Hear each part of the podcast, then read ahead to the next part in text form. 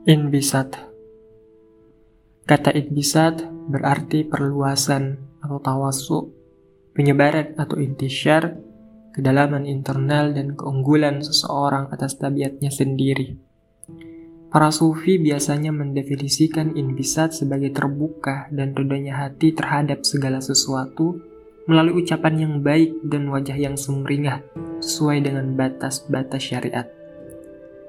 Dalam konteks hubungan dengan Allah Subhanahu wa taala, inbisat adalah gabungan kondisi khauf dan roja pada diri manusia. Manusia diibaratkan selalu didominasi oleh keegoannya, maka kalbu-kalbu yang telah mampu mencapai tingkatan ini akan senantiasa menarik nafas dengan wibawanya dalam ketenangan dan kedamaian. Kemudian melepaskannya pun dalam puncak ketenangan dan kesenangan.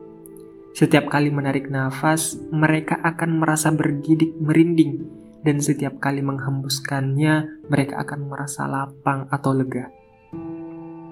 Berdasarkan definisi di atas, kita dapat membagi inbisat menjadi dua bagian, yaitu dari aspek hubungan kita dengan manusia dan dari aspek hubungan kita dengan Allah Subhanahu wa taala. Pertama, Inbisat dalam hubungan manusia dengan manusia diibaratkan dengan menjaga hubungan kita dengan Allah dalam bentuk interaksi individu dengan orang lain sebagai manusia biasa seperti manusia lainnya atau berdasarkan tingkat pemahaman dan pengetahuan mereka sendiri. Ketika berinteraksi dengan orang lain di sekitarnya, Rasulullah Shallallahu Alaihi Wasallam tidak pernah bersikap menyusahkan Alih-alih beliau justru terkadang bergurau, tidak mempersulit orang lain, penuh kelembutan dan bersikap longgar terhadap mereka melalui kata-kata yang mengandung hikmah, sesuai dengan tingkat pemahaman masing-masing.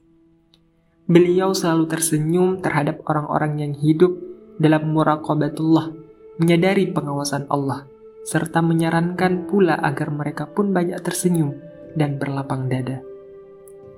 Kalbu laksana sebuah cermin.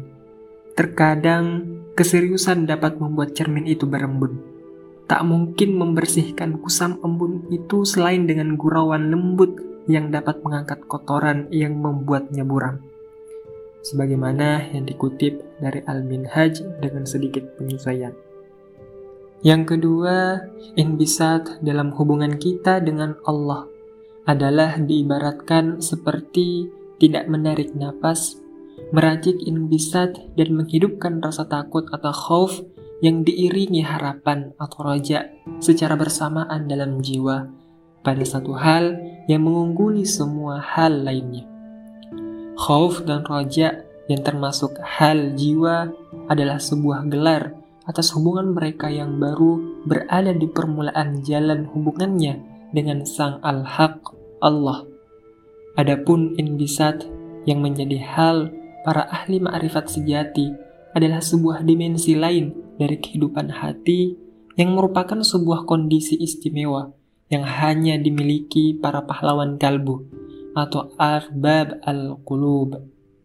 Kondisi orang-orang yang tidak pernah mencapai inbisat, tapi menampakkan diri seolah-olah berada dalam inbisat meski memiliki kelembutan ma'rifat namun mereka sering terseret kepada penghancuran sikap mawas diri dan ketidakpedulian yang merupakan bentuk ketidaksantunan atau adab yang buruk di hadapan Allah Subhanahu wa taala.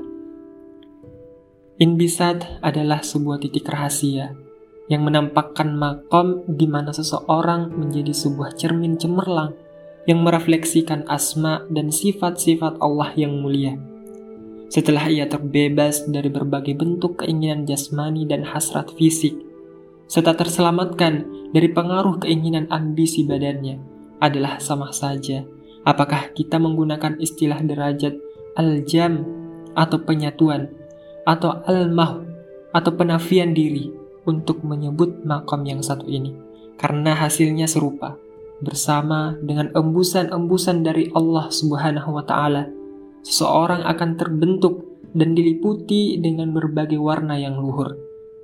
Mereka yang bisa mencapai titik ini, yakni para al-washilun, orang-orang yang sampai sama sekali tak mungkin dapat menyembunyikan inbisatnya. Sedangkan yang dikatakan tentang inbisat oleh para al-mubtadi'un atau pemula yang sebenarnya mereka sampai di titik ini adalah sesuatu yang memalukan. Sekiranya seorang sahabat karib sang sultan menunjukkan penjelmaan dan tajalinya, maka jangan kau coba-coba untuk menirunya. Oleh karena dirimu bukanlah penguasa tahun itu. Wahai siapa pun yang tak terselamatkan dari risalah catatan alam fana ini, apa yang bisa kau ketahui dari al-mahu as-sukr dan inbisat? Sungguh tentramlah ruhmu, wahai Maulana Rumi. Apalah yang bisa diketahui tentang ruh dari mereka yang hanya menyembah badan dan jasad?